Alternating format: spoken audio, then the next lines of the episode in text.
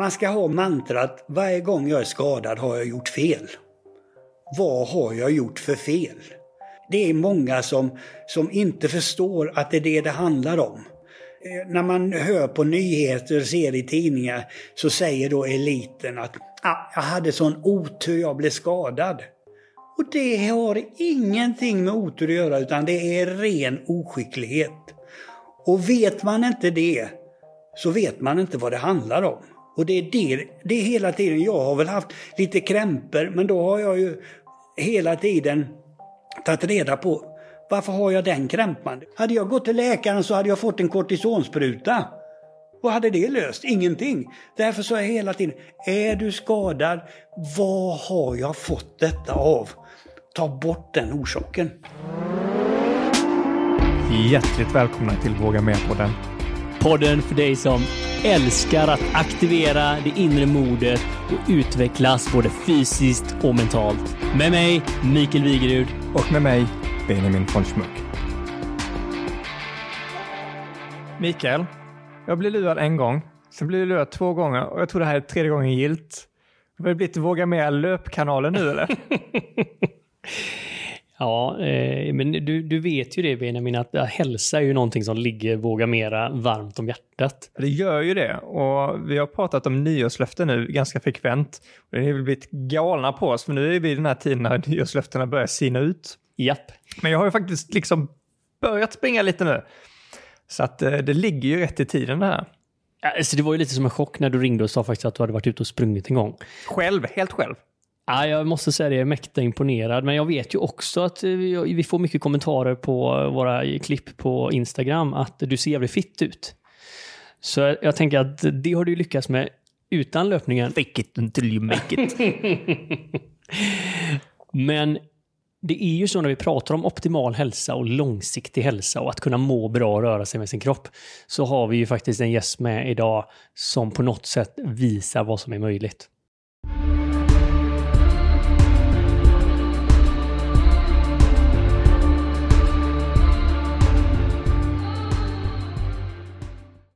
Ja, idag befinner vi oss här i studion med eh, en eh, sann inspiratör.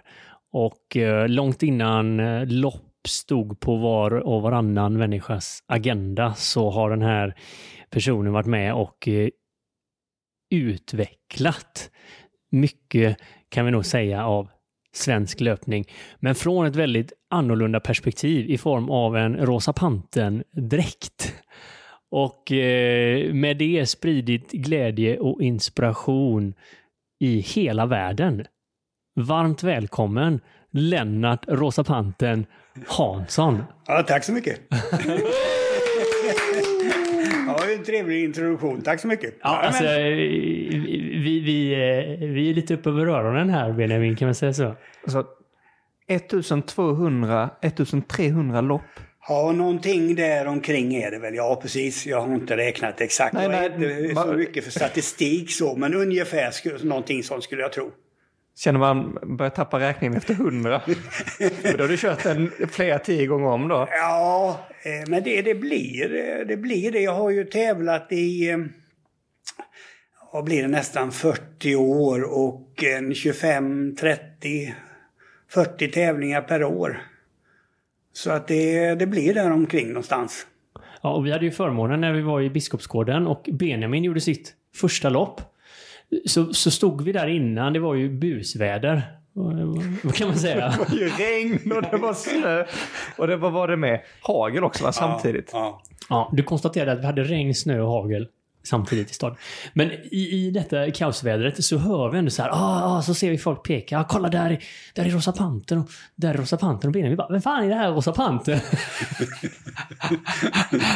och sen när vi är ute och springer så kommer vi ju ganska eh, kort in i loppet kommer vi ju tillsammans med dig. Ja. Eh, och förstod att det var något speciellt med den här människan. Så jävla glad och liksom... Riktig energispridare ja. redan från start. och Benjamins energi som blir mer och mer fokuserad. Han blir tystare och tystare varje gång. Jag var ju tyst när jag började springa och Mikael sa ju det efter en minut. Fan Benjamin, vi kanske ska springa mer för jag har aldrig haft så här tyst med dig tidigare.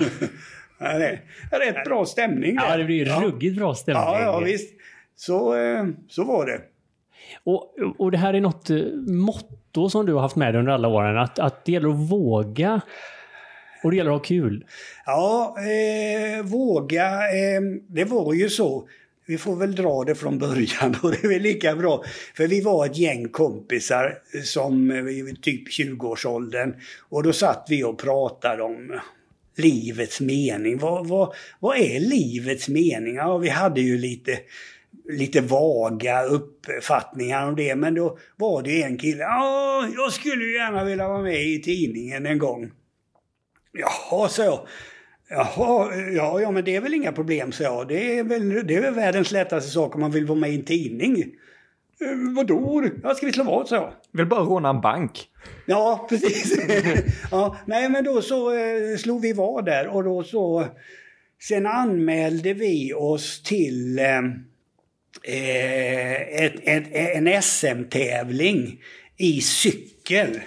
Och jag kom med en eh, oväxlad damcykel, satte en stor rosa panter på eh, pakethållaren och han cyklade 50 meter efter mig för han skämdes något så fruktansvärt. Och sen gick ju starten och vi blev ju sist direkt. Men så var det ju varvbana.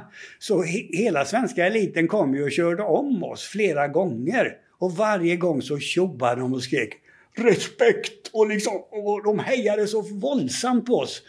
Så, och publiken hejade på oss, alla runt omkring hejade på oss och då fattade jag liksom att men det är ju det det handlar om. Att man ska ju få stöd, för det är ju när man är trött och man får stöd. Jag menar det är ju samma inom fotbollen. Vilka spelar bäst? Jo, hemmalaget. De spelar alltid bäst. Och det är bara för att de har stödet från de egna. Va? Så därför så börjar jag då att att det här ska jag utnyttja i fortsättningen också. Och då var jag ju ingenting. Jag var varken löpare eller cyklist eller någonting. Men så tyckte ju han att det var så jäkla roligt, han som jag slog vad med. Så han sa att vi, vi, måste, vi måste göra om det här, det var ju jätteroligt. Han som eh, inte vågade cykla med dig utan var 50 meter bakom. Ja, precis. Och då För det var en stolle där med rosa Ja, visst. Han, han körde ju 50. han, skämdes, han skämdes så pass.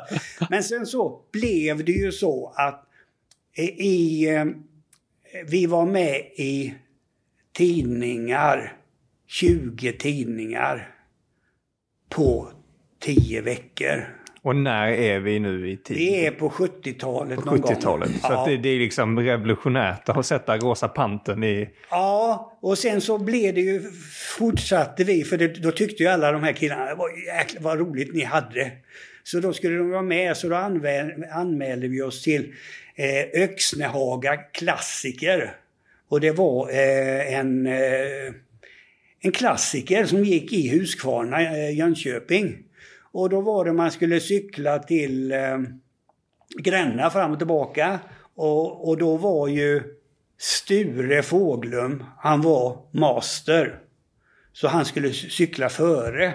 Och sen så hade vi tryckt upp egna tröjor.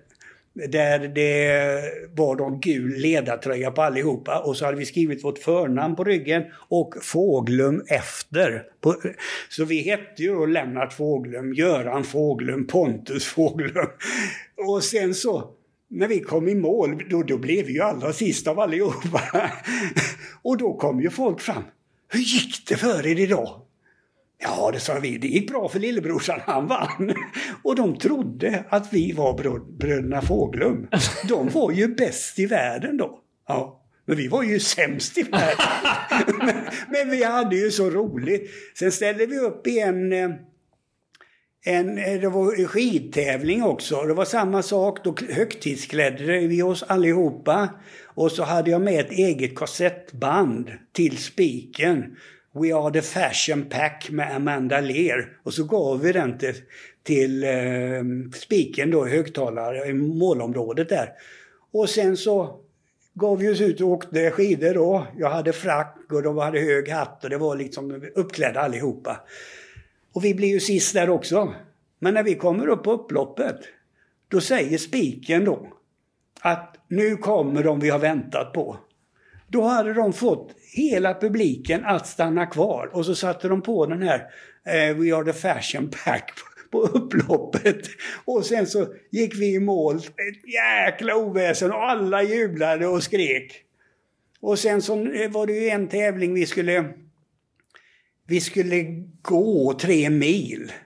Och då hade vi sytt upp eh, fångdräkter och eh, eh, sån här eh, eh kätt kätting emellan oss och så en klump. Och så gick vi och sjöng i tre mil i skogen där.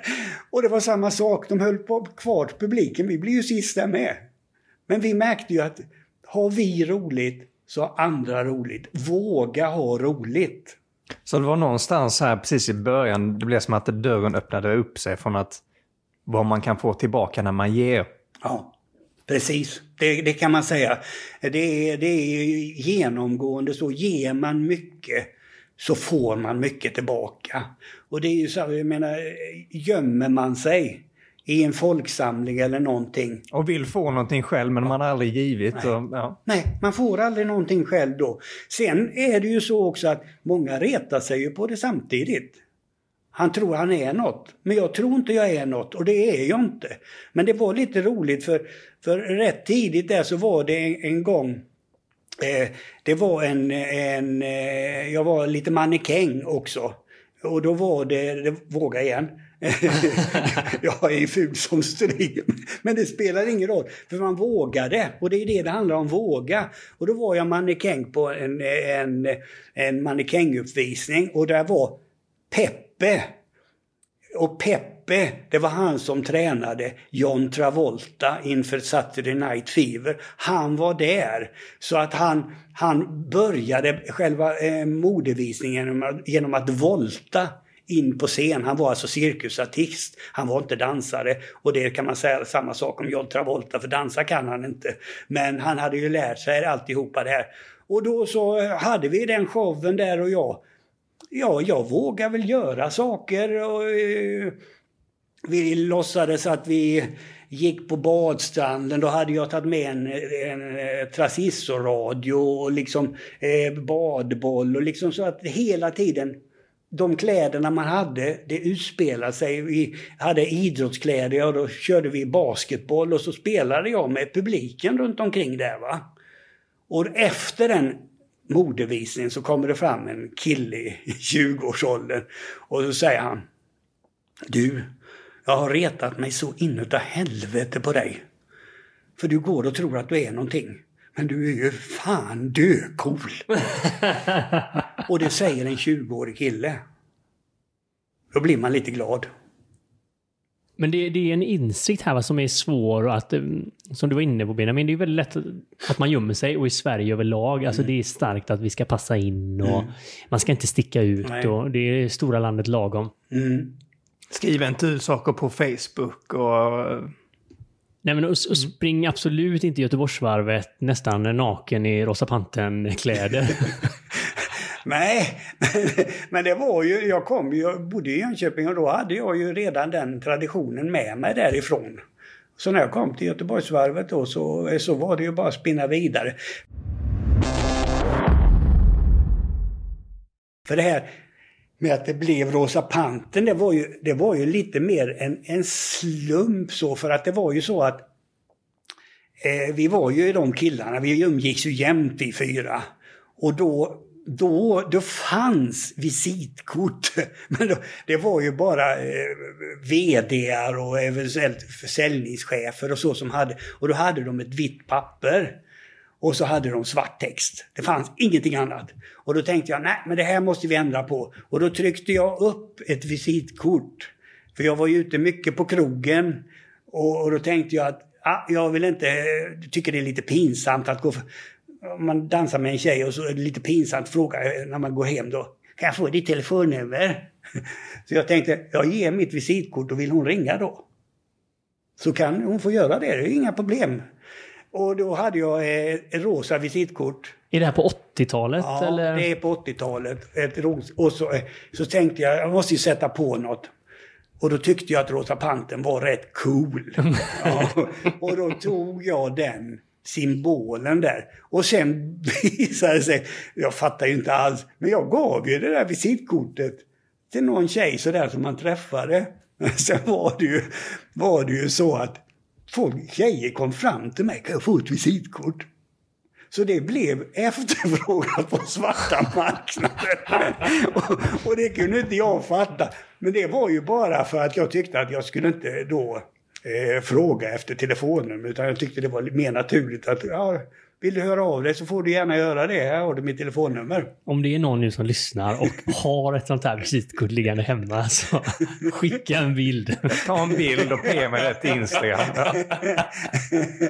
ja, eh, jag har, jag har klipp, en klippbok. Jag tror att, eh, att det första visitkortet är med i den faktiskt. Ja, det, alltså det är helt underbart för du hade ju med dig lite material in till studion här när du kom och eh, du berättade att, att ni började där och var med i lite tidningar.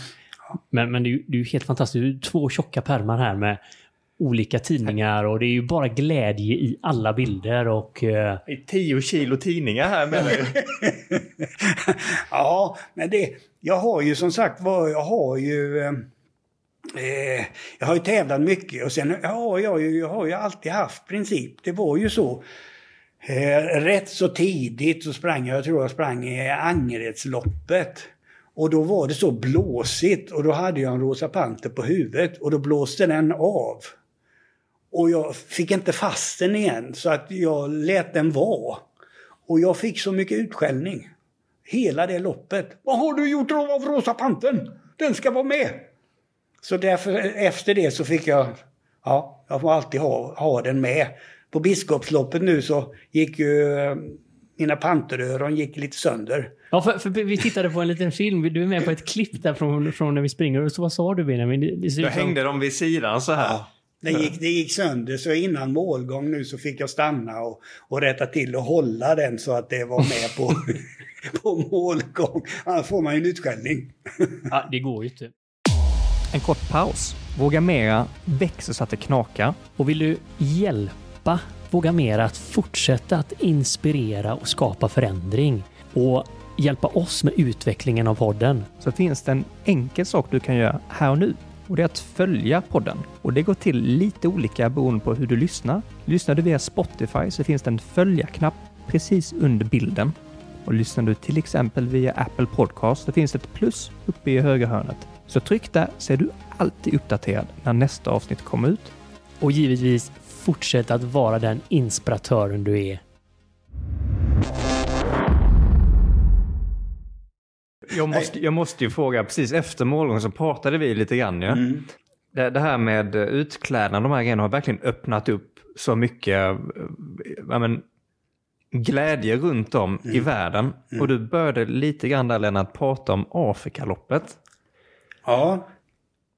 Hade vi kunnat få en sån här in-depth vad som egentligen hände där? Ja, eh, det var ju så att eh, jag åkte jag var inbjuden till Knarviksmilen, Mila i Norge.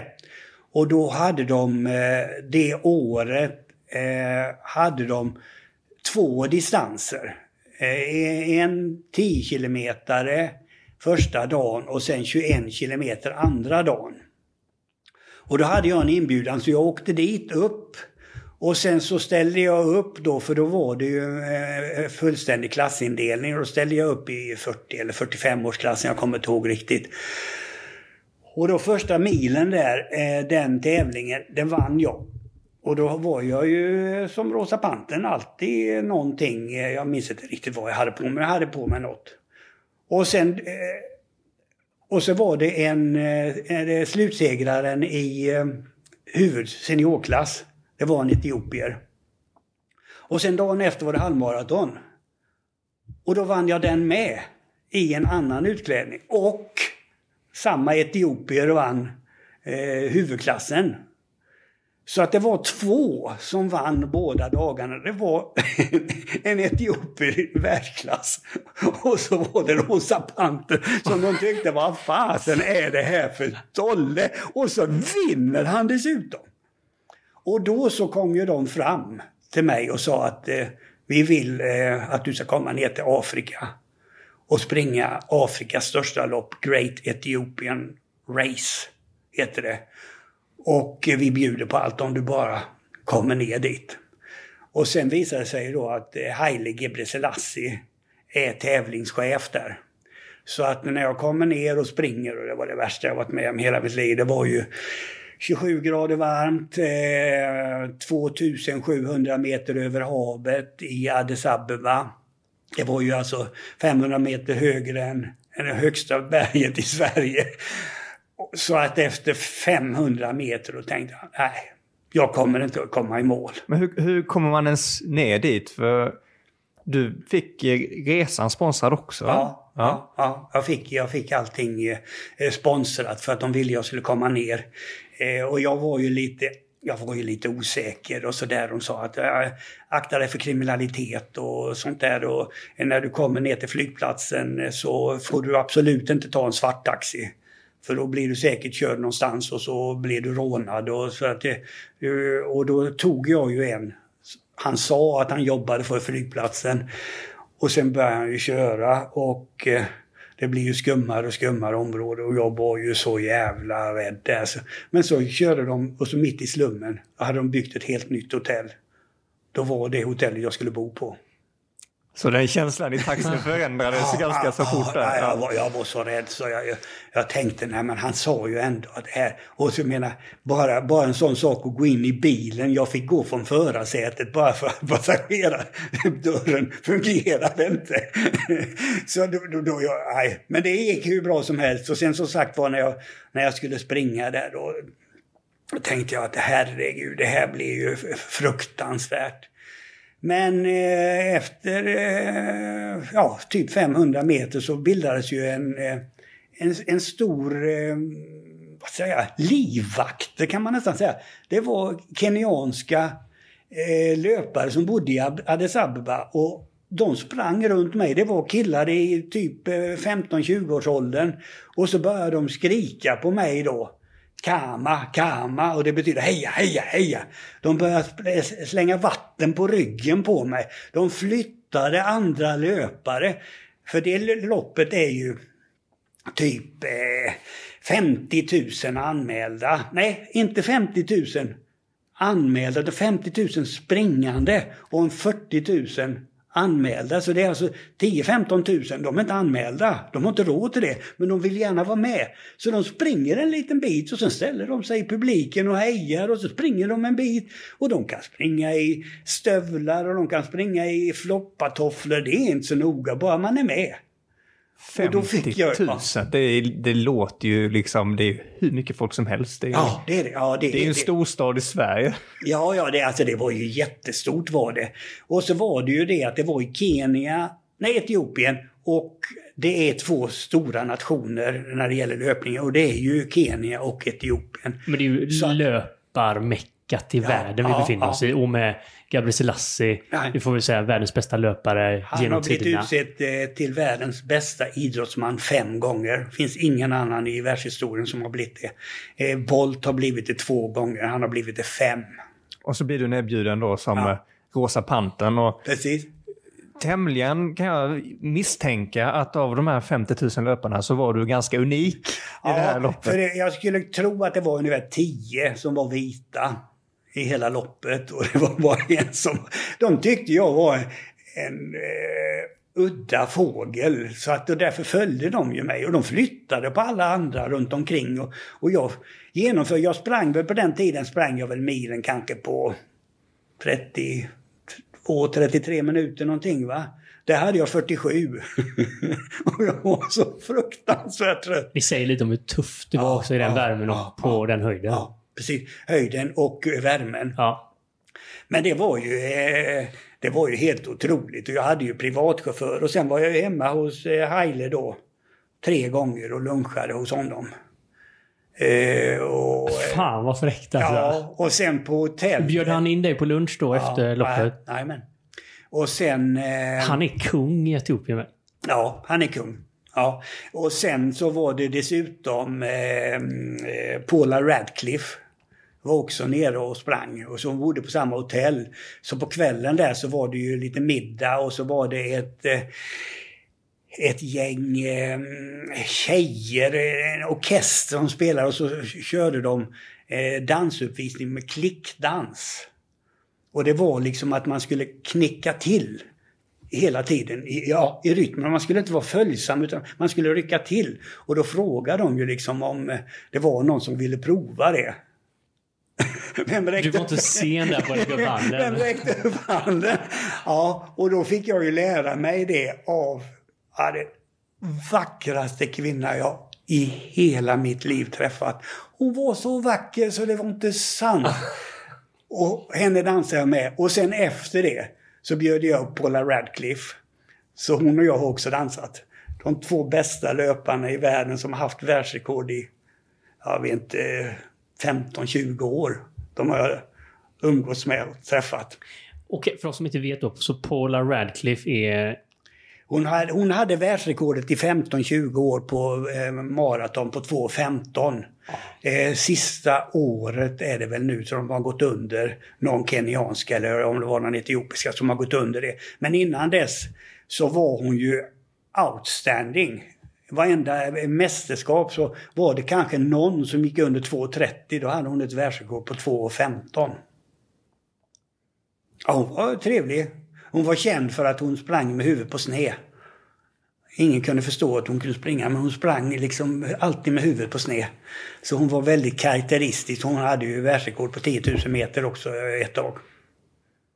Jajamän, de har vi träffat. Så, så ni två är speciella på det sättet ni har haft en unik löpstil? Huvudet på sned och en rosa panter?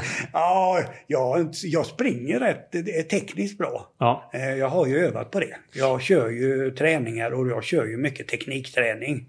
Har gjort det hela min karriär så att eh, det får jag fortfarande beröm för att eh, herregud, du springer fortfarande med ett bra löpsteg. Och, och det här är så jäkla intressant för om man tittar på löpningen på ett sätt är det ju så enkelt, alltså alla kan springa, mm. tänker vi först kanske. Mm. Men sen så ser vi, det är väldigt få som kan springa mm. i livet. Och man kanske springer när man är barn och ungdom och sen ganska tidigt så tappar man det.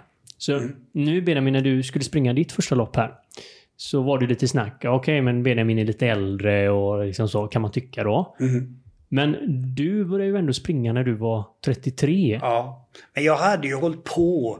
Men det är det att när man är ung och så, då är det ju lagidrotter som gäller. Och jag har ingen större bollkänsla.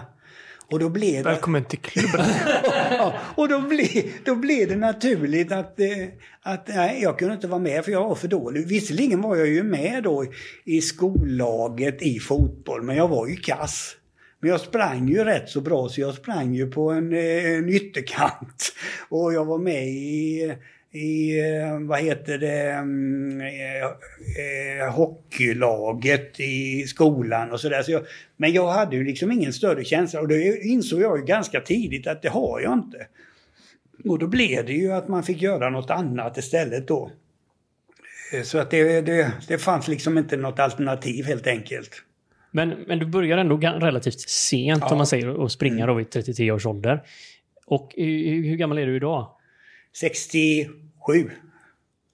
Och du har sprungit 1400 lopp, 1200, 1300 lopp här emellan. Ja, ja. Och jag tycker så här, det är, vi måste få hoppa in i lite, för det är så jäkla motiverande och inspirerande. Och mm. också hur man har kunnat göra det utan att vara skadad. Mm. Skada är... Eh, man ska ha mantrat, varje gång jag är skadad har jag gjort fel. Vad har jag gjort för fel? Och det har det är många som, som inte förstår att det är det det handlar om. Eh, och eh, när man hör på nyheter och ser i tidningar så säger då eliten att ah, jag hade sån otur, jag blev skadad. Och det har ingenting med otur att göra utan det är ren oskicklighet. Och vet man inte det så vet man inte vad det handlar om. Och det är det, det är hela tiden. Jag har väl haft lite krämpor men då har jag ju hela tiden tagit reda på varför har jag den krämpan? Det var, det var lite intressant. Eh, för något, eh, ja, vad kan det ha varit, 15-20 år sedan någonting. Då fick jag plötsligt ont i, i eh, hälsenan på ena benet. Och jag, och jag försökte liksom, vad är det här? Och jag tränar ju som vanligt. Eh, upp mot en 10 pass i veckan då. Och, ja, för här är du ändå elit i Sverige kan man nästan säga, så du blir ju jäkligt snabb löpare. Ja, Ja, jag vet inte. Jag, eh, jag tränar ju eh, rätt så tidigt, rätt så seriöst. Men i alla fall då så, så fick jag ju ont där och jag sprang ju som vanligt men jag fick inte mer ont. Jag tyckte det var jäkla konstigt. Vad är det här? Var har jag fått detta ifrån? Och sen så en kväll när jag åkte hem i bilen. Då ändrade jag foten på gaspedalen. Och då kände jag hälsenan. Jag hade köpt bil. Och jag var inte van vid den statiska rörelsen. Så då fick jag en överbelastning i hälsenan. Och det var bara det att i fortsättningen så ändrade jag fotens läge på gaspedalen. På en vecka var det borta. Och då hade jag haft det i tre, fyra månader. Och det var ju för att jag gjorde något fel. Hade jag gått till läkaren så hade jag fått en kortisonspruta. Vad hade det löst? Ingenting. Därför sa jag hela tiden, är du skadad? Vad har jag fått detta av? Ta bort den orsaken. För det här är ju så intressant, för är det någonting som kan få en att men kanske börja med någonting, börja med en sport, börja löpa och sen blir man skadad. Då blir det som att man får kanske, ja, det här är inte bra för dig, eller det här är inte bra för din kropp, din kropp reagerar mot det och sen slutar man med det istället för att ta reda på vad felet var. Och jag kommer ihåg att vi pratade om det eh, ja, men, veckor innan loppet, för jag hade problem med mina knän. Jag fattar icke var det kom ifrån. Jag vet att jag hade hajkat innan eh, i Jämtlandstriangeln och det tog mycket stryk i nedförsbackarna. Men det här är ju över en månad sedan jag, jag började göra en kur med ibuprofen och paracetamol och då ballade magen ur. Så att jag hade ju det här innan loppet att hoppas nu inte att knäna sviker mig så att jag liksom knappt kan gå efter detta. Att eh, mina knän blir helt kajko. Och sen så snackar vi dagen efter. så Jag känner ingenting i mina knän. Jag hade träningsvärk efter passet men det är som att de har blivit bättre av det här. Och det var tvärtom mot vad jag trodde. Mm. Mm. Ja, men det kan ju bli så. Eh, för jag vet, jag pratade med Anders Gärderud och han var ju skadad en gång och hade redan bokat ehm, eh, operation. Men då var han nere hos eh, ja, en finländsk Europamästare och tränade ihop med honom. Och då tänkte han som så att eh, jag kör med, jag kör stenhårt för jag ska ändå operera.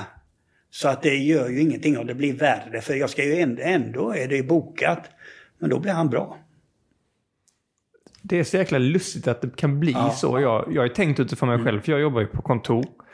Eh, och vet, det mesta gång jag har det till kaffeautomaten. Och man ska ju inte liksom underminera det. Det är ganska många steg om dagen faktiskt. Ja, ja. Eh, Men jag får ju inte den här belastningen kanske som kroppen är gjord för på Nej. knäna. Men så fick kroppen lite stöta, lite, um, vad ska man säga, inte slitage men tvärtom. Det fick liksom röra igång på maskineriet. Mm, stötchockarna är det det handlar om. Men det, samtidigt är det ju... Eh, det är ju alltså skorna man springer i är så oerhört betydelsefulla. Jag var nere på eh, eh löplabbet för ganska många år sedan. Och då så eh, Eh, var det en sån där löparkväll så det var en massa löpare där och så provade vi skor och allt möjligt sånt där. Och då sa jag till dem att eh, hur kan ni sälja Nike-skor? Alla blir ju skadade av dem. Vad är det dummaste jag hört? Det är de. Och jag påtalade det flera gånger att det, Nike, det, det skadar. Och då så eh, mer eller mindre blev jag utslängd. Ja, det, så- det här är ju extremt provocerande för Ja, eh, ja, butiker De och hade ju en tillverkare. provision Ja, det är klart. på att sälja Nike. Ja, men och det, är väl, det har väl varit en extrem okunskap här Ja, också. precis. I hela världen. Jajamän. Och jag, jag minns så väl än idag när man första gången läste Born to Run. Mm. Alltså jag har ju sprungit hela mitt liv och älskat att springa, spelat fotboll. Kanske aldrig funderat så mycket över löpning, men framför allt har jag väldigt mycket trott på det här vad det gäller uppbyggda skor, dämpning och så vidare. Kommer ihåg första gången som jag och brorsan läste Born to Run och tittade på oss varandra efteråt och tänkte nu vet jag ingenting längre. Eh, där man pratar om att springa kanske i sandaler och de här bästa löparna i världen, de springer med en gummiplatta bara mm. under fötterna. Och så ser man dig då, bilder på dig i tidningen, mm. som är 15-20 år gamla, där du gör dina personliga rekord i sandaler. Mm. Det var långt, långt innan eh, Born to Run skrevs. Och det sägs att du citeras i Born to Run, i boken, ja. där du säger att Nike ska förbjudas. Mm. Ja, jag citerar där. Det, det intressanta var ju då när jag blev utslängd där från eh, löplabbet för då, då så sa jag i, precis innan jag gick igenom ytterdörren så vände jag mig om och så sa jag Frågar ni folk som har knäproblem och kommer in som säger att jag kan inte springa längre, jag får så ont, jag, jag, jag kan inte, jag, jag, är inte, jag är inte född till löpare, jag kan inte springa. Frågar ni vad de har för skor? Nej, Nej men för helvete gör det då, säger jag. Ja. Och sen börjar de fråga. Nike, Nike, Nike, Nike, Nike. Alltid Nike.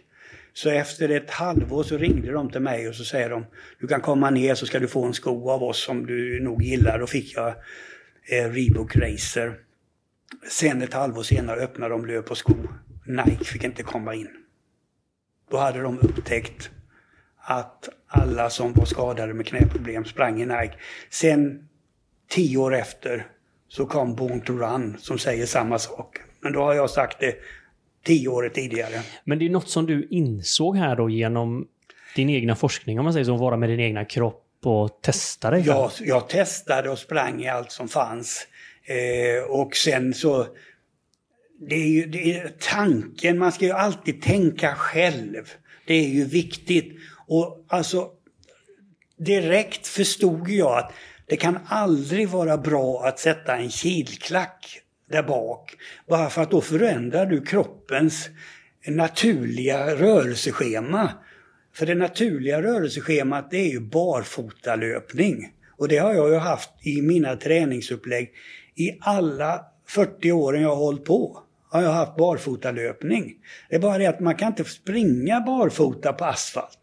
Då måste man ha en, en eh, sula som tar emot stötarna så man inte får för mycket stötchock.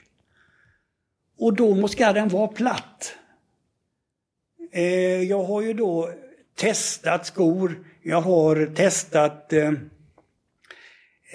jag har testprotokoll hemma och har testat det mesta skorna som jag, finns. Jag tänkte säga det att är det någon som har testat utstyrsel så har vi ju den som har testat flest ut, utstyrsel för lopp i hela världen här. Ja, jag skulle tro att det är så ja. ja. Men i alla fall då så, så mätte jag ju. Jag har gjort ett eget instrument som mäter då kilklacken, hur mycket det är. Eh, och jag mätte Nike till 27 millimeter. Vilket man idag då, när detta blir på tapeten, skulle man kalla dropp.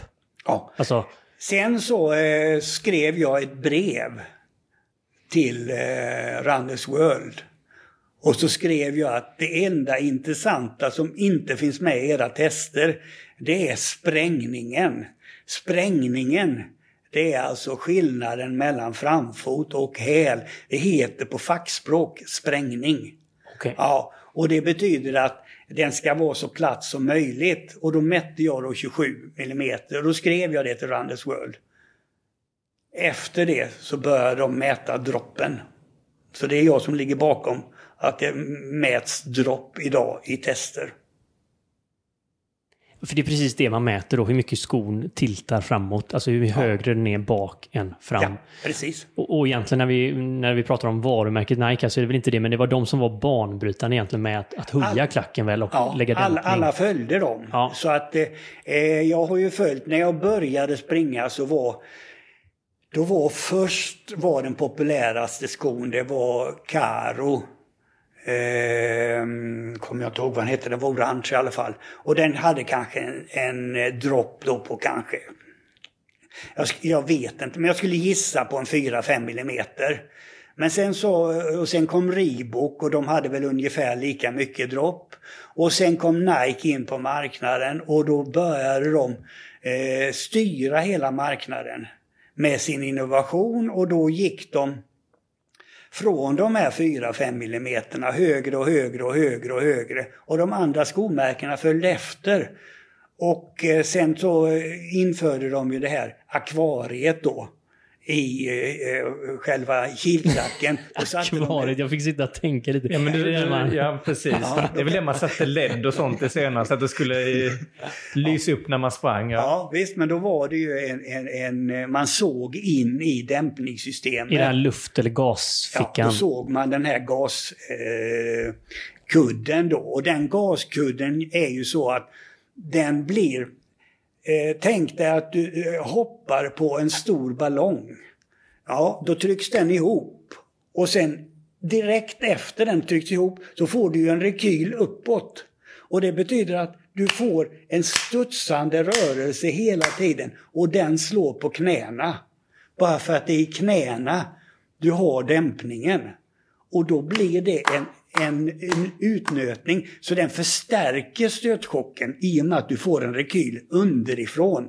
Och då slår du sönder knäna. Därför har du ju Sen har jag fört en kamp mot Nike hela tiden. Och sen tog de ju bort R-sulan och de tog bort zonsulan.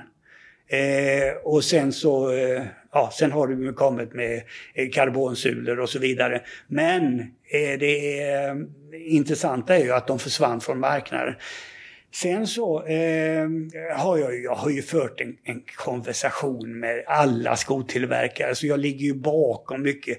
Eh, Sokony till exempel för eh, vad kan det vara, 10-15 år sedan. Då blev de marknadsledande och det var för att jag, jag kritiserade de skorna så mycket. Eh, för att de hade ett gridsystem. Och gridsystem, det är ungefär samma sak som ett tennisracket. Så att de strängarna där, så att de skulle man trycka ner och så skulle de gå upp igen sen. Problemet var ju att det var plast då. Så att efter 10 mil så var de skorna helt slut. För då hade plasten gått av. Böjer man på samma ställe med plast länge så går de av där helt enkelt. Och det kla- klagar jag ju på. Eh, eh, Men det är ju engångsskor ju. Det är inte engångsskor. Men i alla fall då så, så eh, sparkade de sin eh, konstruktör. Och så satte de dit en ny och så började han om på nytt. Och då började han med 4 mm sprängning, dropp, i sin produktion. Och då blev de på ett enda tag blev de marknadsledande. Och jag sprang ju ett, en, en, några av de första. Jag tränade folk då och jag märkte ju att det här är ju mycket bättre än allt som finns. Så jag talade ju om för alla att spring i, i dem, spring i dem, spring i dem. Eh, på tävlingar så kom alla fram och frågade vad springer du för skor? Vad springer du för skor? Ja, så jag springer de bästa just nu och de bästa just nu är Saucony. Ja, för det är ju någonting som väcker extremt stort intresse så är det just skor. Ja, det är det. Och, och man kan känna hur man vill köpa sig framgång. Mm. Men kanske nu, det som är det riktigt intressanta är hur kan man ju köpa sig en långvarig hälsa och Ja. fungerande kropp? Det är det det handlar om. Ehm, och jag kan ju ingenting om sko. Men ehm, jag snöade in lite grann, jag tror det var efter Born to Run eller om det var innan. Vi pratade en hel del om skor där Mikael. Och jag köpte sådana här barfota skor och du fick testat dem också. Och det var mer utifrån att jag, ja, men, ville gå i det. Och sen så blev jag inspirerad, jag ska springa lite grann också. Och så gjorde jag det, men då har ju inte jag gjort innan. Så det, det satte sig på mina vader direkt. Inte att någonting gick av eller blev skadad, men jag fick sån jävla träningsverk efter tio minuter. Så att hur, hur ska man liksom, som en ny person som vill springa rätt, komma in i det? Vad, hur kan man ta sig an en sån? Alltså, det är ju djungelns lag som gäller. Det jag skulle vilja säga det är skaffa kunskap. Tänk själv. För att det är det det handlar om. Eh, det här med barfotaskor när de kom. Jag var så förbannad. Jag skällde ut löpare som sprang i barfotaskor. För där är ingen som helst dämpning. Du får du får underbedsskador hur mycket som helst. För det är ingen dämpning och de, de har ett gummimaterial istället för ett EVA-material. Så att det blir stenhårt. Jag ringde ner till, det var en, en stor undersökning från ett, ett, eh, någon sorts eh, eh, gym eller någonting sånt där nere i Malmö. De publicerade en, en vetenskaplig undersökning och att eh, det var så bra med barfotaskor för att de var platta då. Va? Och, eh, och sen så stod det ingenting om att man fick ont eller någonting. Det stod ingenting i den där jäkla artikeln. Så jag ringde upp dem och sa, vad är det här för dumheter ni skriver? Ah, de tog bort det vi hade skrivit om det negativa, säger de då. För att det var en sponsrad artikel eller? Ja, det var ju i princip det, ja precis. Och så, så, så, så sa jag till att alla som springer i sådana skor blir skadade med underbetsskador för att det blir vibrationsskador. Men, ja, men säger, du... ja, ja, säger han då. Men de ska ha sådana. Det var det, hör du vad du säger, sa jag. Du ska proppa på folk skor så de blir skadade av, bara för att det ska vara så. För att det är trend. Sen la jag på luren, för det gick inte att prata med honom det verkar ju varit en genomgående trend i skobranschen just att om man blir skadad har ingen betydelse utan man, en ny trend ja. eh, ja. ska ja, men då kan man köpa nästa sko som då löser problemet. Det är väl alltid skon som löser problemet. Aha. Men bara så att vi hänger med här nu, jag måste förstå. För nu, nu gick vi ändå då från att skon blev platt och barfotaskon är ju superplatt. Mm. Eh, men det är inte heller bra att den är platt då? Jo, platt ska det vara. Ja. Ja, för att det, det förändrar ingenting med kroppen. När du springer barfota, då blir du aldrig skadad. Eh, Gärderud har läst, skrivit en bok om det. Han eh, undersökte löpare. Han undersökte svensk, svenska eliten och de var skadade jämt. Sen så åkte han och frågade kenyaner i Afrika och i Europa, bland annat i England. Och då så, de var aldrig skadade. Och han tänkte, vad är detta då? Men så, så till sist så hittade han någon kenyan som var skadad. Och då säger den här kenyanen, ja, ja, blir vi skadade åker vi hem till Afrika och springer vi barfota så är det borta. Man blir alltså inte skadad av att springa För då barfota. springer man med kroppen och dess naturliga med kroppen, men man ska inte springa på asfalt. Man ska springa på sandstränder, gräsytor, åkrar, sån, skogar, allting som vi har gjort innan den här civilisationen tog över och skulle asfaltera allt.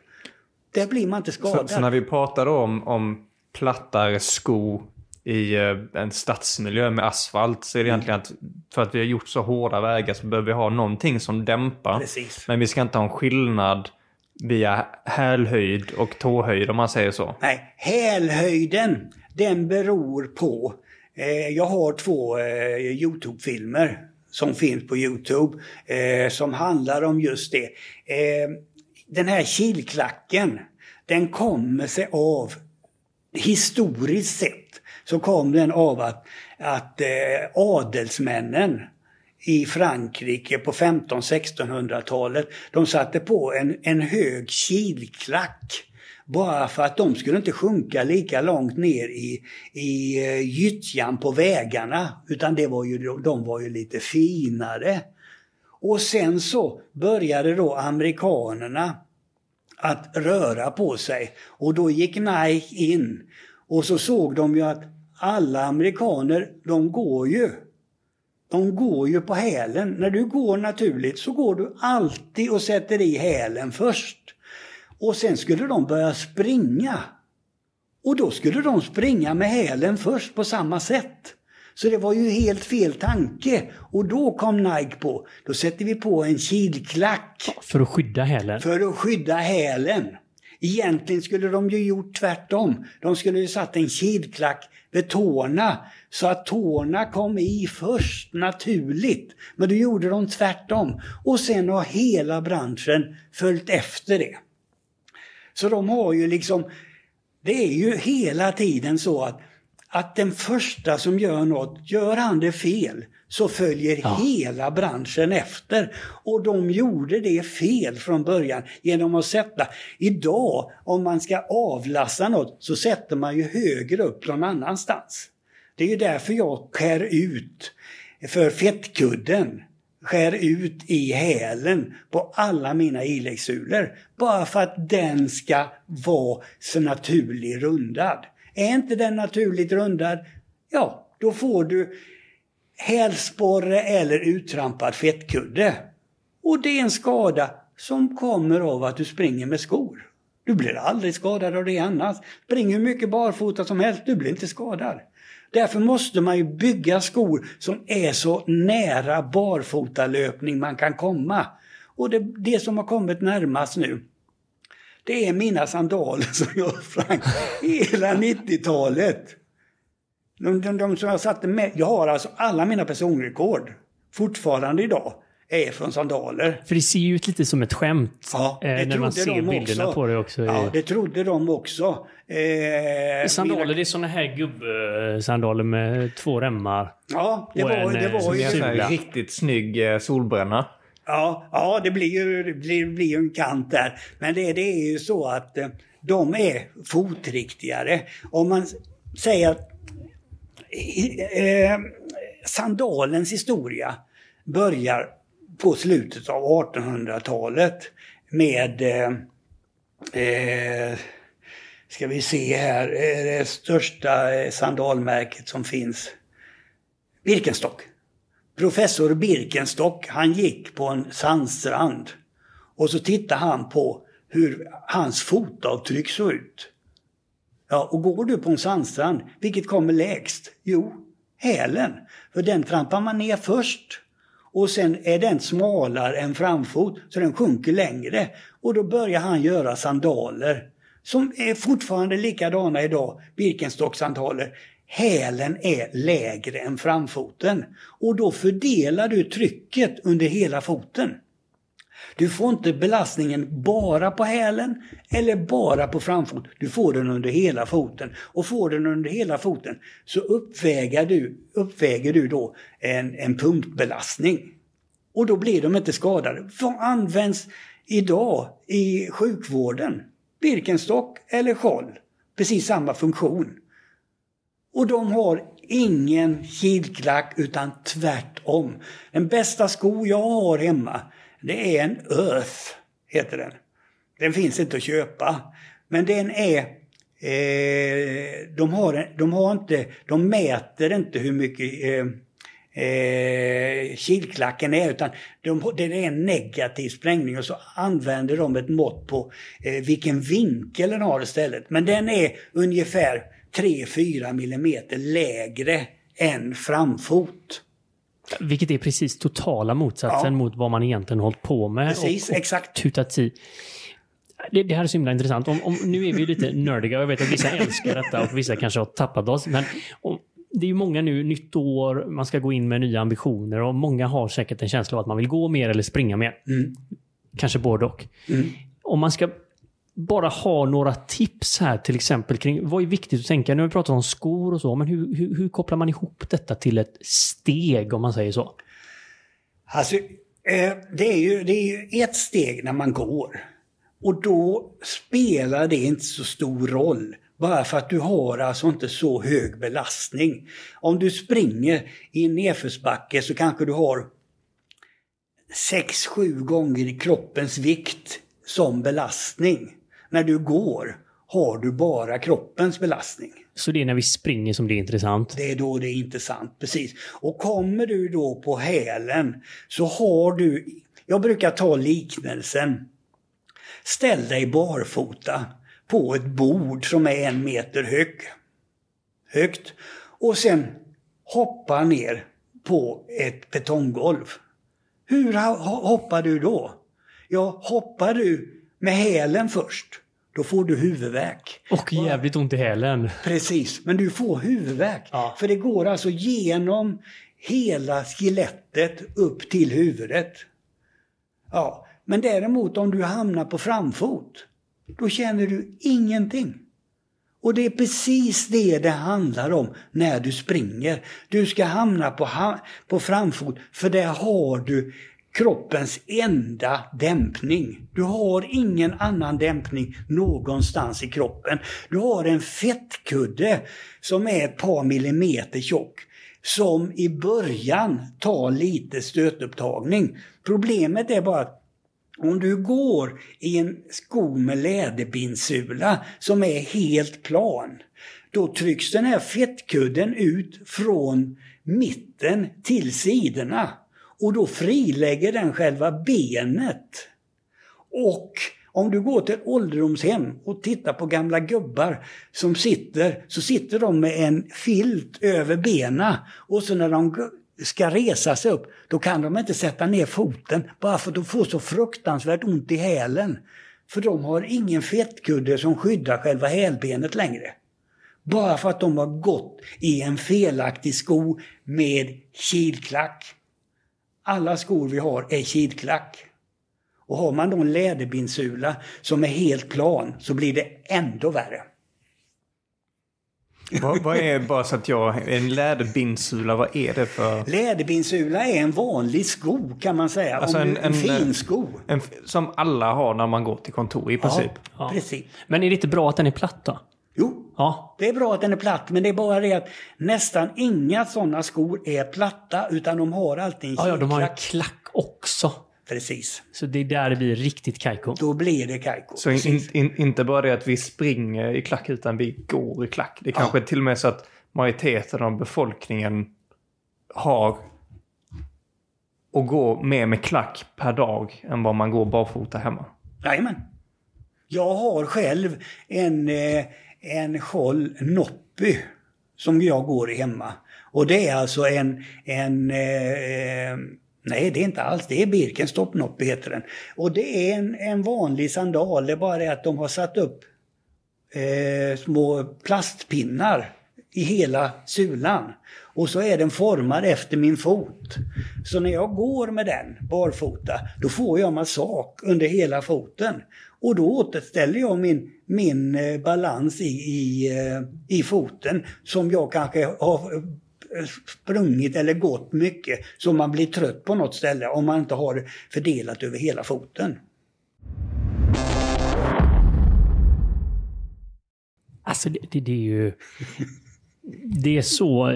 Man märker hur inrutad man är med vissa saker som man har lärt sig och tagit för givet. Ja. Så, så det, det kan nästan fortfarande ibland tycker jag vara svårt att Ja. tro detta. Men Men man bara ska ju tänka, man ska alltid utgå från eh, vad som är bäst för min kropp.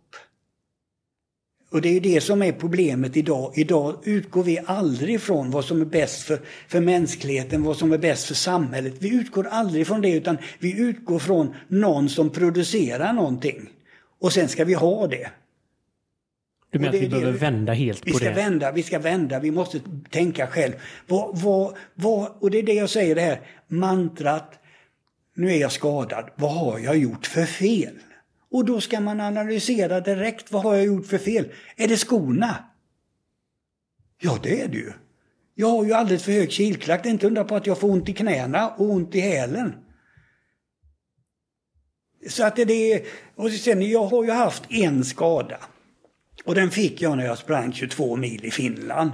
Då hade jag fem par skor med mig. Jag hade sandpapper, jag hade kniv, jag hade allt möjligt för jag skulle kunna tälja till då sulorna i skorna bara för att jag skulle fördela trycket under hela foten så att jag fick en, en eh, särbelastning på något ställe. Va? Men det lyckades jag inte med tillräckligt bra så då fick jag en hälsporre. Och hälsporre det är ju att senan emellan hälen och tårna blir nedtrampad så mycket så att det, det brister i fästet. Och sen tar det ju så fruktansvärt lång tid att läka. För att det är ett, ungefär om du, om du bara låter det självläka så tar det ungefär två år. Och då fick jag den hälsporren och då ringde jag, eh, då pratar pratade jag med en massa löpare och så. Jag, har, jag, jag tror jag har fått hälsporre. Är det någon som kan något om det? Nej. Nej, men till sist då fick jag tag i, jo, det finns en i Svenljunga. Och då ringde jag upp honom och sa, du kan en massa om hälsporre har jag hört. Ja, jag jobbar på eh, det var ett tyskt företag eh, som höll på att produktutveckla eh, eh sulor, iläggssulor. Och sa att då vill jag komma så ska du berätta för mig hur det är. Och så åkte jag dit och var där fyra timmar. Och då berättade han allting. Och då var det att om jag la belastning under hela foten så blev jag aldrig skadad. För då fördelade den trycket. Så jag fick en iläggsula där Och sen sprang jag i den iläggsulan i två år. Det var mina två bästa år som löpare. Men jag visste ju det att jag blir inte sämre av att jag springer bara för jag har stödet. Och det är ju det jag gör om i alla mina skor idag. Så fort jag skaffar en ny sko så vet jag att den här är inte tillräckligt fotriktig. Jag får göra om den. Då lägger jag i en hålfot. Jag lägger in pilott. Pilott är för att eh, främre fotvalvet inte ska tryckas ner. Och så gör jag ett hål för fettkudden så att den kan ramla ner så att den blir uttryckt. Och så har jag i alla mina skor. Jag har aldrig skador. Jag har hållit på i 40 år. Jag har fått en skada och det var för jag var bara dumt åt i West Coast Race. Men jag visste inte tillräckligt mycket då. Men jag försökte lära mig. Ja, ja, och det är ju ingen som har vetat något om detta. Alltså, det är ju ny kunskap egentligen från Ja. när vi sprang med kroppen. Ja, Och- men du vet, nu det var ju därför, det var ju därför människor. jag insåg jättetidigt att de sandalerna som jag springer i och jag gick ju, liksom, det var ju inte vilka sandaler som helst, utan det var ju sådana som hade uppbyggd hålfot, pilott, rundad häl. De hade precis de egenskaperna en bra sko ska ha. Det var därför jag sprang i dem i alla år och folk tyckte jag var en idiot. Men jag sa att vi kan väl, bland annat var vi en gång och sprang eh, Lidingöloppet Ultra, jag och Eskil. Och då så eh, har jag två par sandaler med. Han hade samma storlek som mig. Så jag sa, vi springer i de här sandalerna. Ja, sa Eskil då. Så sprang vi i sandaler och vi tog på dem då i omklädningsrummet. Och alla, ska ni springa i dem? är ni inte kloka eller? De var alla på. Då sa vi konstanta varje gång. Eh, vi kan väl träffas efter loppet. Så får vi se. Så kan vi prata eh, erfarenheter med varandra. Och sen sprang vi. Det var 800 startande. Och jag var ju inte bra då. Jag var rätt risig. Och och, eh, heter det, Eskil var mycket bättre än mig. Men vi blev typ 40 av 800. Och sen gick vi in i omklädningsrummet. Ja, vad hade de? Jo, de hade tejpat sina fötter. De hade, det, det blödde överallt ifrån. Vi sprang barfota i sandaler. Vi hade inte en minsta lilla kramp eller krämpa någonstans. Och så sa vi, ja, så här ser mina fötter ut, hur ser dina fötter ut? Ja, det blöder och naglarna trillar av och... ja. Benjamin, du börjar ju visa din blånagel här. va? Ja, men, men bara för att liksom få, få säga en grej här som jag tycker är eh, absolut nämnvärt. Och det är att det är säkert många som kan lyssna. Är man lite intresserad till detta just med skor och sånt här så kanske man direkt vill lära sig någonting nytt. Eller så direkt tar man kanske avstånd och säger bara nej, det här är ju, låter ju jättetokigt. Det är inte alls så här jag har sprungit de senaste fem åren. Men vad som är intressant är att du säger här Lennart att på 40 år så är det en hälsporre. Mm. Så att bara där behöver man ju inte säga så mycket mer. Nej. Och Nej, det, men- och och det, det är liksom var för att jag... 1300 var, eh, Ja. lopp. Tusen lopp, eller 1200, Ja. 1300. Ja, visst, men det är, det är ju för jag har ju hela tiden tänkt på det. Och sen har jag inte varit skadad som sagt var. Och det är ju bara för att jag har hela tiden tänkt. Det var, det var lite roligt, jag var uppe i Billingehusloppet för ett par år sedan. Och då kom det en gubbe i 70-årsåldern någonting. Och han gick lite krampaktigt där och så, så gammal löpare då, så sa jag Springer du inte idag? Nej, jag har fått eh, sluta. Jag har så ont i knäna. Ja, så sa jag, eh, eh, vad springer du för skor? Nike! Nike. Nej! Hur visste du det Benjamin? Ja, precis. Då hade han sprungit i Nike. Och sen precis, precis när vi höll på att prata så kom det en, en annan gubbe i samma ålder. Och så frågade jag, "Vad sp- eh, ska du springa idag? Ja. Vad springer du för skor? Essex. Det har du sagt att jag ska springa i. Har du ont någonstans? Nej. För Essex var de bästa skorna innan Saucony kom. Och då hade jag sagt, Essex springer man i. Och då hade han gjort det, han hade inte blivit skadad. Men den andra han hade hållit kvar vid de här Nike. För är det så att man köper ett skomärke, eh, för de allra flesta, tjejer, de är intelligentare än oss killar, så är det bara. Men inte när det gäller att köpa skor. För de ska köpa rosa. Oavsett vad det är för märke så ska de köpa rosa. Och rosa är ju inte det, är inte det som är det fotriktiga. Nej, är det inte Så det? länge det inte har med pant att göra. nej, nej, utan det är ju viktigast är ju vilken, vilken sko det är. Va? Och det är, men, men det är därför så måste man, man måste veta vad man ska ha och man ska inte hålla kvar vid ett märke bara för att man har alltid haft det. Om man inte begriper sig på det så får man prova sig fram. Men om man begriper sig på, jag kan gå in i vilken butik som helst och, och döma ut hur mycket skor som helst. Jag var bland annat eh, eh uppe på Lidingöloppet eh, för ganska många år sedan och då gick jag in i Adidas monter. Och det var Eh, ja, och det gick jag och testade och provade och tittade vad det var för någonting. Och så kommer, kommer han som ansvarig i den där butiken, där kommer fram och så säger han eh, Hittar du några bra skor? Nej, sa jag. Det är bara skit du har. Jag skulle inte sätta på mig ett enda par av de här. De är alldeles för dåliga. Men, men, men, någon? Ja, den här, jag tror den heter SL96 eller någonting sånt där. Den skulle jag kunna tänka mig att testa. Den andra skulle jag inte sätta på foten. Men så kan du inte säga.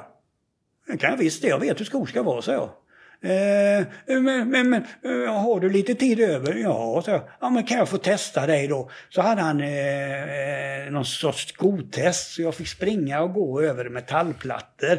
Och så var det kopplat till datorer och sen var det en massa eh, vinklar och, och vikt och allt möjligt sånt där han mätte på mig då. Och sen tog det väl en halvtimme eller något så kom det ett papper, ett A4-papper, och så stod det mitt namn och så stod det då eh, massa uppgifter om, eh, om mig. Och så längst ner, rekommenderade skomodeller, modeller SL96. Inget annat. Och han, det var det jävligaste. Hur fan visste du det? Jag vet hur skor ska vara, sa jag. Och sen visade det sig att då, då var det Stefan Rehn. Eh, inte Stefan Rehn fotbollsspelaren, utan Stefan Rehn Sverigechefen för Adidas. Som är fortfarande Sverigechef för Adidas idag. Då visade det sig att det var han. Och han blev så jävla imponerad så han sa att nu ska du vara med på varenda convention vi har. Du ska testa alla skor vi har. Och sen var jag med och så fick jag ett par skor, så sprang jag 3-4 kilometer och sa det här är fel, det här är fel, det här är fel på den skon. Ja, ja du har nog rätt i det. Ja, det här är fel, det här är fel, det här. Ja, du har nog rätt i det. Det sa han om alla skor. Och sen visade det sig att det var ju den enda då. Eh, så jag sprang ju i den där SL96 lite grann. Den var ganska bra. Det var ingen toppklass, men den var ganska bra. Så jag var med där i ett år på varenda convention de hade. För jag kunde mest om skor. Det fanns inget som... Och det finns ju... Problemet är ju det här lite grann. Och det är ju hela vår världs, världsuppbyggnad. Jag menar, då har de en konstruktör. Ja, så jobbar han till han är 65 då va. Och så har han lärt sig en massa under de åren. Och sen så plötsligt går han i pension. Och då kommer det en 30-åring.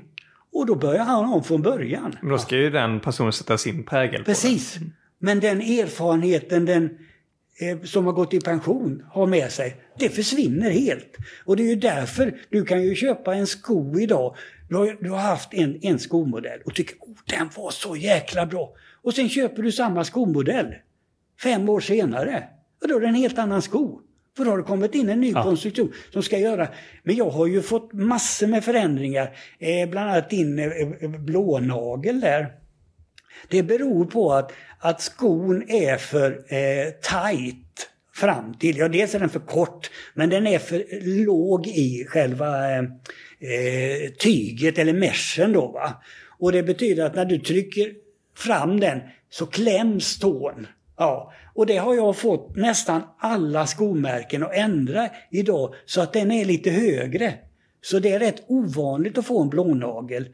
Du får den inte idag för att den är för låg fram till utan du får den ofta för att den är för kort.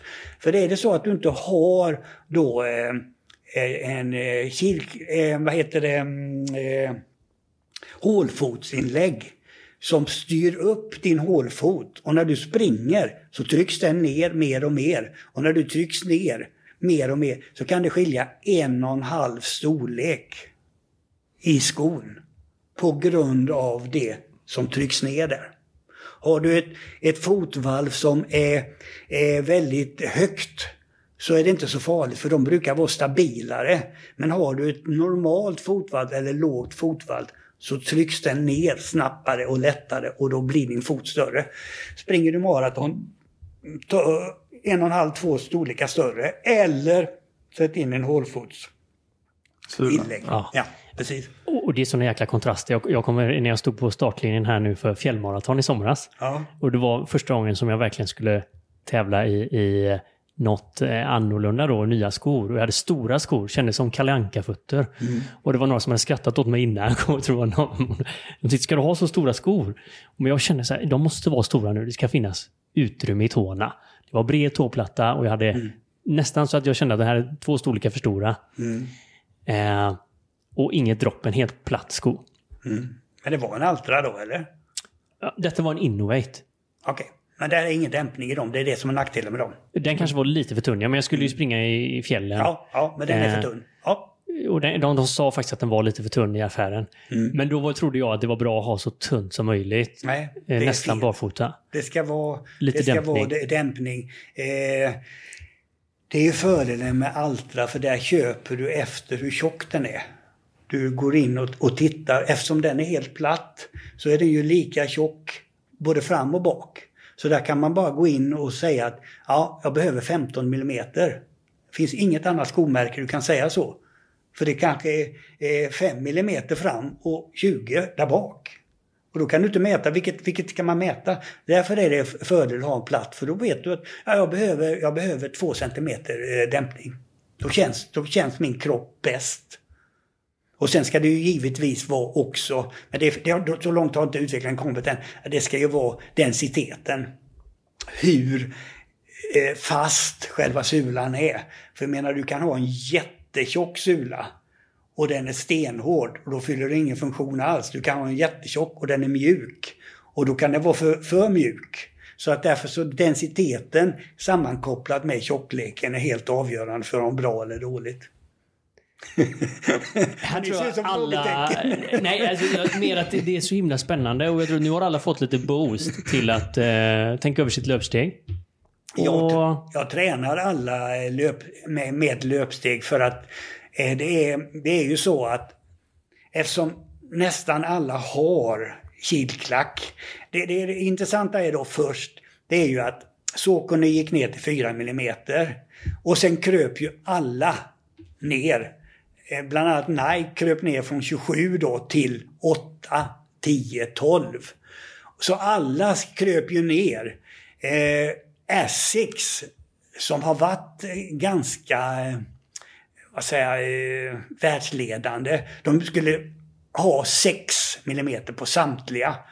Men de gick ifrån det ganska snabbt tyvärr. Så de, de ligger på 8, 10, 12. Och det är alldeles för mycket. De enda som ligger helt platt det är ju Altra plus tävlingsskor. Men tävlingsskor, nackdelen med dem det är att de har ju inte tillräckligt tjock sula då. Men de bruk, brukar ligga i, i, eh, i allmänhet eh, mycket tunnare. Den bästa skon jag någonsin sprungit i. Gissa vad det är? Sandalen. Nej. Nike. Oj! Ja, Efter all kritik de har fått här nu så... ja. Men de gjorde en sko som hette eh, MyFly. Den var helt platt. Den vägde 112 gram. Det är Ja, den riktigt bästa sko jag någonsin sprungit i. Jag åkte upp till Vindelälvsloppet med den skon. Och vi var åtta löpare i mitt lag. Och vi bara busar ju alltid. För det är desto roligare man har, desto bättre presterar man. Eh, prestationsångest är det sämsta som kan förekomma inom idrotten. För då presterar man bara sämre. Men i alla fall då så, så sa jag när vi kommer upp där. Ja, jag har ett par MyFly här. Det är 43. Och, och så har jag en eh, flackskört i samma färg och så har jag or, eh, samma färg på, det var orange, eh, kortbyxor. Och vi ska byta i varje växling för alla ska springa i detta hela dagen. 11 mil någonting. Och du vet, va? Va? Det var det en lärare som var med för första gången. Han hade 43. Och så satt han. Är det ingen som protesterar mot honom? Och sen så börjar vi med Annika eh, på första halvmaraton. Hon sätter på sig alltihopa det här. Hon hade 39 tror jag hon hade i skostorlek. Hon sätter på mina 43 och springer. Vinkar glatt åt publiken hela vägen. Hon har ju en orange frackskört. Och, eh, och pannband var orange och allting var orange och skorna var orange. Allting var... Satte personrekord 1.25. En tjej, hon var väldigt kort. Eh, hon hade 36 tror jag i skostorlek. Hon satte på sig dem och sprang två sträckor. På kvällen sen så säger samtliga åtta bästa skor jag någonsin sprungit i. Och då var det alltså 43 på allihopa. Och det var, det var platt och den var lagom dämpad. Bara det att det var ju sånt EVA-material så att eh, de rekommenderade att man inte skulle springa mer än 10 mil. Så den hette ju MyFly 100 kilometer. Men jag sprang i den. Vi sprang ju där uppe sprang vi ju i, i, i 30 mil. Och hade den skon. Så att den, den tål ju mycket mer. Men det var den bästa skon de någonsin sprungit i. Och det är den bästa. Men det är ett undantag. Den finns inte längre. Tyvärr. För det var det, den var riktigt, riktigt bra. Jag har ett ex kvar hemma. Jag har lagt den i museet.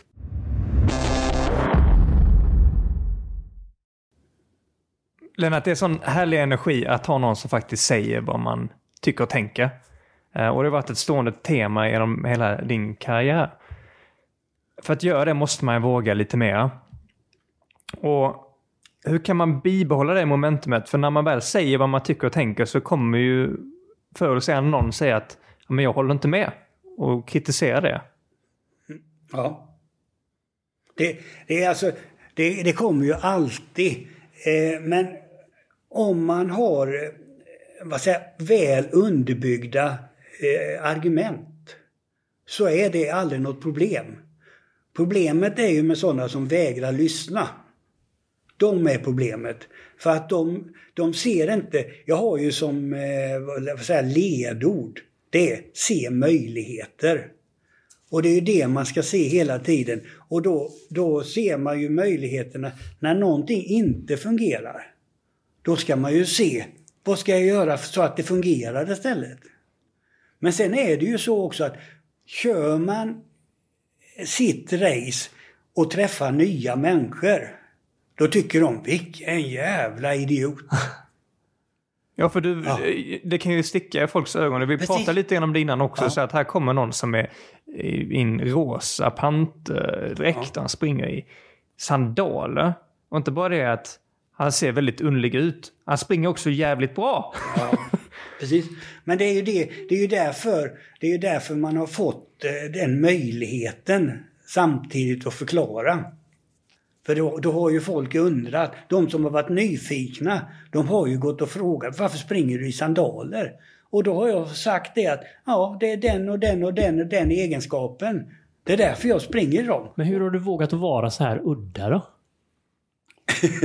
jag tycker inte jag är udda. Jag tycker de andra är udda som inte är sig själv. För jag, har, jag tycker mantrat är om du tycker något så jag tyck det då. Det är väl ingen annan som ska tala om för dig vad du ska tycka. Men det är ju lite samhällsklimatet. Att man ska inte tycka något utan man ska tycka, fråga någon annan vad den tycker först. Hålla med majoriteten. Hålla med. Ja, precis. Men det är... Och om man säger, håller man med hela tiden så blir det aldrig någon utveckling. Så om man då hör detta nu och kanske ser sig själv som en person som ofta brukar hålla med för man vill inte att det ska skava någonstans. Och så börjar man så här, eh, säga ifrån vad man tycker och tänker och så har man det momentumet. Och sen så är det någon annan som försöker sätta locket på. Mm. Som kommer in med massvis med negativ energi eller kommentarer eller liknande. Mm. Och på något sätt så försöker de få bort den från ens momentum. Ja. Kan vi få något tips här då, hur man kan bibehålla det? Eller liksom hålla kvar vid vad man tycker? Alltså, jag, alltså, i, i, jag, jag, många har ju sagt till mig att jag ska bli... Ja, du borde bli politiker, du borde bli det. Men då har jag sagt många gånger att nej, för det går inte. För det, alltså, man kan inte övertyga så många utan man måste vara mainstream där. Man får inte gå, man får inte vara den som, som eh, gör att det blir dålig stämning. Så därför har jag inte gett mig på det. Men i och med att jag har den här rosa panten så är min utgångspunkt tvärtom. Inte dålig stämning utan god stämning. Och då har man ett litet mer spelrum. För de som är intresserade och tycker varför... De, de, de, de, de som bara har sett mig kanske säger att Fan, den han är inte klok. Men sen om de har börjat prata med mig, eller jag har börjat prata med dem, då inser det var inte alls, stämde inte alls det.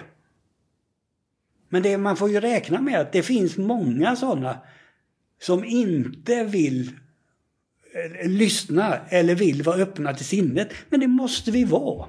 Det går inte annars.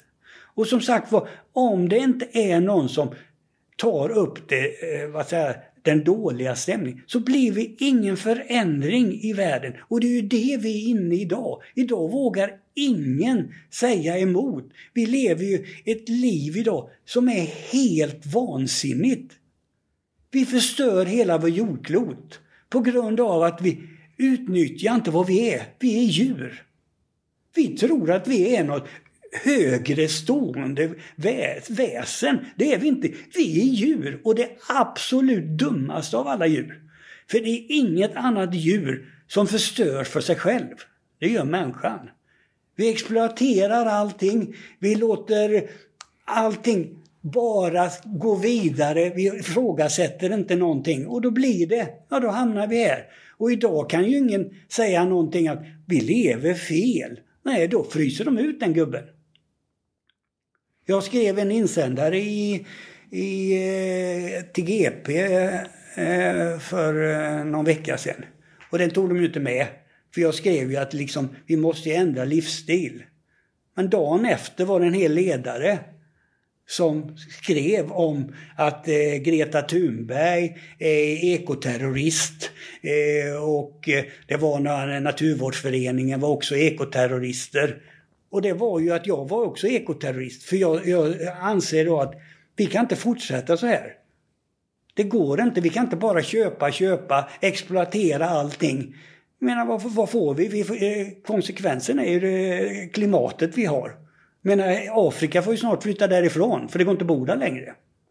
Men kan en, en sak i det här vara att, eh, precis som du har sagt och på Benjamins fråga egentligen, att man vågar vara mer autentisk och Ja, jag läste någon, jag, jag, jag läser ju en hel del citat och sådär och då var det någon som hade skrivit, eh, det var något spanskt uttryck tror jag, att eh, det är, det är, det är ju bra på något vis att säga sanningen.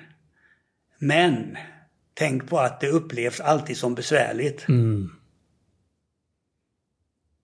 Och vi förstår ju här, du är ju en sann innovatör och en det krävs ju rebell, ja, rebeller för, ja, att, men det, det händer ju ingenting för att skapa annat förändring. Om man, om man bara tycker, oh vad bra det är, oh vad bra det är. Det enda som händer det är att, ja men det här var inte bra, det här måste ni ändra på. Då händer något. Och det, det, vi måste ha fler sådana. Eh, vem har varit den största tv-personligheten när det gäller journalister? Jo, det är han... Eh, eh, står det still. Eh, Janne Josefsson. Och han har ju alltid gått emot och kritiserat och försökt hela tiden få upp liksom till ytan vad det är som är galet. De andra de bara skriver vad det är. Då har han ifrågasatt det. Och vi, vi, har ju hört här nu både tekniskt, eh, hur du är en pionjär, hur du har utmanat och hur du har tänkt hela tiden. Vi förstår att det finns en väldig intelligens. Men du har också pratat om att eh, man måste ha tankens kraft med sig när man gör förändring. Och jag tänker, kan vi kanske ge en liten inspiration där som avrundning med hur du har tänkt när du, du har gjort omöjliga saker. Du har sprungit över 22 mil, du har sprungit snabbt som fasen, du har utmanat stora skotillverkare och eh, Inte bara det, våga att sätta dig själv i rampljuset också. Och kanske det team. allra modigaste. Ja. Ja. Eh, jo, då, då har jag en, eh, en väldigt bra historia. Eh, som jag... Jag var på... Jag har ju utbildat mig ganska mycket. Det finns ju inte mycket utbildningar inom löpning eller vad man ska säga. Men jag har ju gått alla kurser som finns och jag har ju läst alla böcker och allting sånt där. Så jag har ju hela tiden försökt hålla mig ajour med vad som händer och så. Och då var det så att jag åkte till eh, eh, norska fjällmaran. Eh, och eh, det året när jag åkte upp dit så, så var det översvämning i Norge. Eh, så det var, eh, ja, det var massor med eh, problem. Det var översvämningar överallt och vi skulle springa på Valdresflyan, högsta punkten mellan Nordnorge och Sydnorge. Och den vägen får den får aldrig stängas av den skulle vi springa på så vi fick springa en annan sträcka. Och då var det två. Då skulle vi springa en som inte var en enda, en, en, en helmaraton. Inte en meter jämn mark. Antingen var det upp eller ner hela tiden. Och då så springer jag med två unga killar. Vi springer i täten och de är ju favoriter. De är, det är två skidåkare i 20-årsåldern. Och då pratar vi lite grann om ditt och datt och då säger de Ja, det var ju tur att den här översvämningen eh, skedde i Norge. Vadå, sa jag. Vi har ju råd. Sa de bara och sen sprang de ifrån mig. Men i alla fall, jag, jag blev nog jag blev bland de tio bästa där men tre och tio eller någonting sånt där. Det var jäkligt jobbigt. Men då så eh, gick jag ner och tittade i resultatlistan. Och då var det den som var bäst i min åldersklass. Han hade 2,49. Och då tänkte jag 2,49. Jag ska ju upp hit nästa år igen. Jag, jag ska springa på 2,50. Så jag bestämde när jag såg resultatlistan, nästa år springer jag på 2,50. Om han är med och springer på 2.49, okej, då får han väl vinna då. Men jag ska springa på 2.50. Sen åker jag hem. Eh, varje dag tänker jag, jag ska springa på 2.50. Jag eh, springer till och från jobbet. Och jag går ju upp, eh, jag tror jag började, jag gick upp strax innan sex. Och så gick jag upp och så sprang jag eh, 11 kilometer. Och sen, eh, ja, var det dåligt väder då så, ja, det var dåligt väder idag. Ja, jag får ta på mig lite mer. Så gick jag in och tog på mig lite mer, så sprang jag. Och så körde jag, och så jag hade det mantrat 2,50 hela tiden, hela året. Och sen så åker jag upp till Norge nästa år. Då åker vi upp i en buss till start. Och eh, där är ju bara norrmän. Och så, eh, ja, vi, vi var fyra, fem svenskar någonting. Och då började alla prata. Åh, ska du springa med för i år? De visste ju vem jag var för jag hade ju en rosa panter på mig. Eller något liknande. Och då, då så säger jag, jag ska springa på 2,50. 2,50? Du är fan inte klok. Det är ju förbättring med 20 minuter. Ja, ja, men det har jag bestämt, sig jag. Men, men, du, men det, det var det värsta. Och det var en kille då som hade slagit mig året innan. Och sen så, eh, när det är två minuters start, då säger de att eh, eh, nu är det två minuters start. Och då tar jag av mig överdragskläderna. Och då visar det sig att, att det är en minuters start. Men de säger två minuter bara för att det inte ska vara tjuvstart. För man startar på en väg. Ja, så jag har inte fått av mig kläderna när startskottet går. så jag är efter allihopa i start. Och då springer jag. Jag, ska springa på 2,50. Då springer jag ner i diket för det finns ingen plats att springa på vägen för det är helt fullt. Eh, och jag springer i diket i ja, två, tre kilometer och rundar hela fältet. Och norrmännen pekar ju. Kolla gröfteslöparen. Sicken idiot. Och så springer han i en, en panter och så har han ingenting på sig. Och så springer, springer han i sandal och så springer han där. Ja. Inte ett rätt. Och så har han sagt i bussen att han ska springa på 2.50. Så de skakar ju på huvudet. Men sen så kommer vi upp och sen är det 11 kilometer, nej 10 kilometer, eh, ganska plan.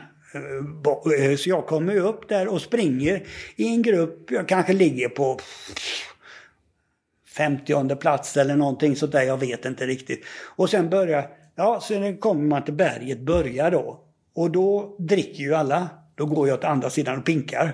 För jag har ju förberett mig. Så jag måste bli av med lite. Ja, sen börjar 11 kilometer uppför. Konstant 11 kilometer uppför, upp till Valdesflya. Det är 8 grader plus i start. Det blir eh, mer vind, det kommer dimma, det blir nollgradigt. Så när man kommer upp till Valdesflyga så är det så dimmigt så de har tagit ett kort på mig som finns i det här. Eh, man ser inte någonting. Jag har ingen klocka på mig. Utan jag bara... Och då... På vägen upp så var vi ett gäng på 20 pers någonting i gruppen. När vi kommer upp där är det två kvar där. Det är han som drar gruppen och så jag som två.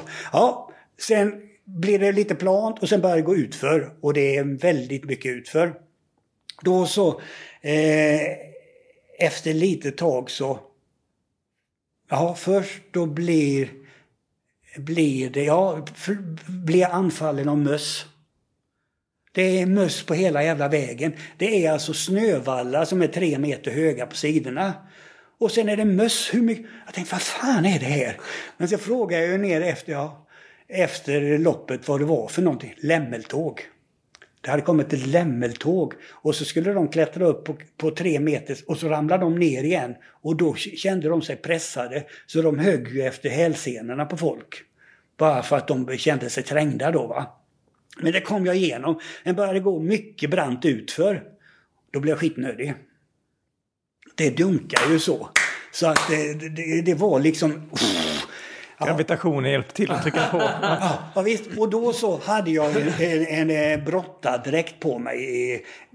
Ena halvan var blå och den andra var gul och så panter och lite sånt där. Så jag drog ju ner hela allt och så fick jag sätta mig vid den här snövallen som var tre meter hög. För man kom inte av vägen och man fick sitta där. Och sen sket jag där och så fick jag torka mig med snö då va. Och då sprang jag med 10-15 gubbar där och de skrattade. Där är den där jävla idioten. Och jag springer på 2,50. Nu sitter han och skiter på vägen också. Ja, men i alla fall så, så springer jag. Sen släpper det ju. Jag menar det, det är ju så underbart när man blir av med sånt. Sen går det ju fint att springa. Nu springer vi ner 9 kilometer eh, brant utför och sen börjar 3 kilometer uppför. Dimman har släppt men så börjar det hagla. Och det blir minusgrader i haglet och de är så här stora och de slår. Det är som köttbullar du visade Ja, med fingrarna. Ja, Ja. ja. Och jag har ju bara en panter på huvudet och så har jag inte mycket hår. Så det bara dunkar hela tiden. Som, och, och, och så börjar jag frysa. Och då ryser jag liksom. Men det här, jag kommer ju inte klara 2,50. För jag liksom börjar huttra och sådär och, och liksom, det går knappt framåt tycker jag. Och så kommer jag upp på eh, högsta punkten där och sen är det 9 kilometer svagt sluttande utför. Och då får jag tillbaka krafterna lite och sen ser jag ju folk framför mig. Ja, där är en, han är 50 meter före. Han skrev förbi. Ja, så kommer jag förbi. Oh, där är en, han är 20 meter före. Han skrev förbi. Så håller jag på så i nio kilometer och plockar en efter en efter en efter en. Och så när jag kommer eh, 50 meter från mål, då hör jag spiken.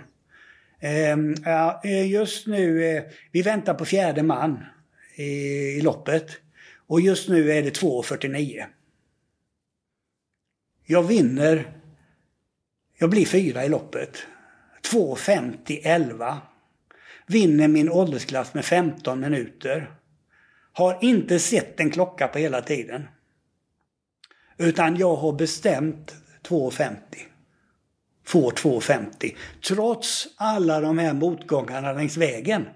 Ja, sen på, ja, sen på festen efter, då kommer han fram den här eh, killen som jag har pratat med i bussen och så säger han att jag är chefpsykolog på Oslo hospital. Det är Norges största sjukhus. Jag är psykolog där. Och jag har hört talas om det här eh, med självuppfyllande profetia. Tankens kraft. Jag slog dig med tio minuter förra året. Idag slog du mig med en halvtimme. Bara med tankens kraft. Han var, han var i chock var han. Och det var bara för att jag hade bestämt. Och då när man bestämmer, då finns det inget som kan rubba det. Jag hade en tanke en enda gång och det var när det var tre kilometer uppförsbacke och hagel. Då fick jag det en gång, men sen fick jag tillbaka det. Så, så det, det är det det handlar om hela tiden. Därför ska man ju sätta upp målsättningar. Alltid målsättningar så du vet vad du ska prestera. Då har du någonting att gå efter. Det finns inte så mycket mer att säga än ett stort tack. Lennart och Rosa Panten. Tack själva. För att du kom roligt. till studion. Fantastiskt alltså. Vilket... Ja. Vilken inspiration och lärdom. Ska hem och kolla på mina nya skor om de verkligen ska, ska ligga kvar i garderoben. Det är ju frågan om någon kommer att överleva. Men låt oss se en följetong där eh, för året. Tusen tack. Ja, tack själva ska ni ha.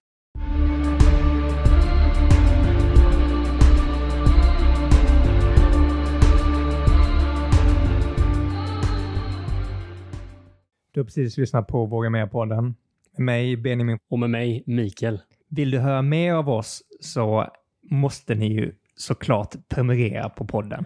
Och det gör ni genom att ni klickar i den här klockikonen där poddar finns. Det brukar vara som en, en liten, liten, liten ikon. Så se till att ni hittar den så är ni med nästa avsnitt och nästa igen och nästa igen och nästa igen och ni är alltid uppdaterade. Och är det en sak som vi verkligen tycker om i Våga Mera-podden så är det ju att vi tillsammans engagerar oss. Så in på våra sociala kanaler, kommentera, dela och inspirera varandra.